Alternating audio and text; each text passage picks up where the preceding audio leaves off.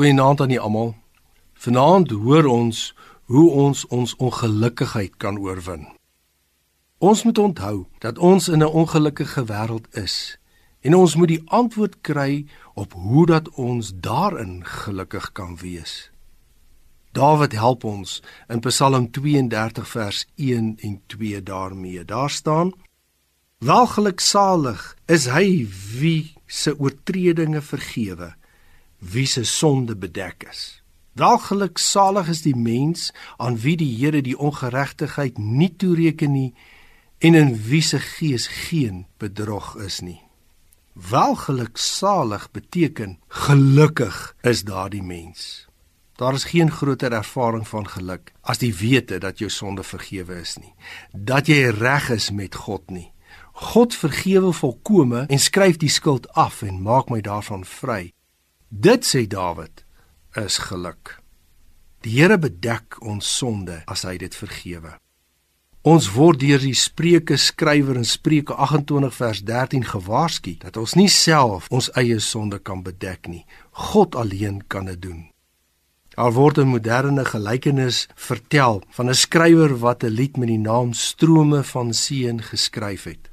Hy het ware lewensgeluk beleef in sy verhouding met God toe hy hierdie lied gekomponeer het. Hy het egter as gevolg van sy gewildheid en die materiële voorspoed al verder van God weggeleef. Hy het opgehou om sy sonde te besef en dit te bely en die pad van heiligmaking het afdraande gegaan, weg van God af.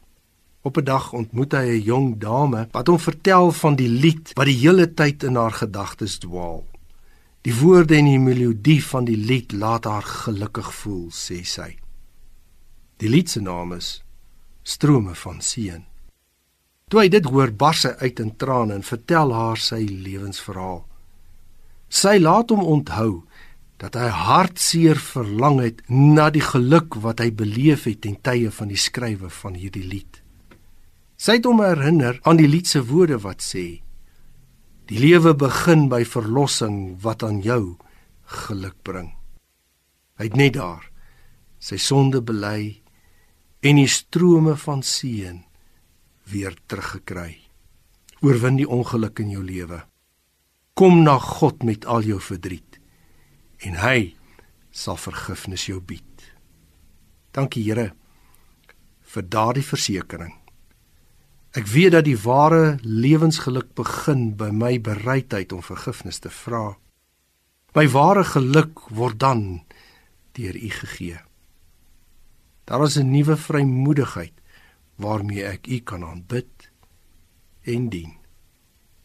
Amen.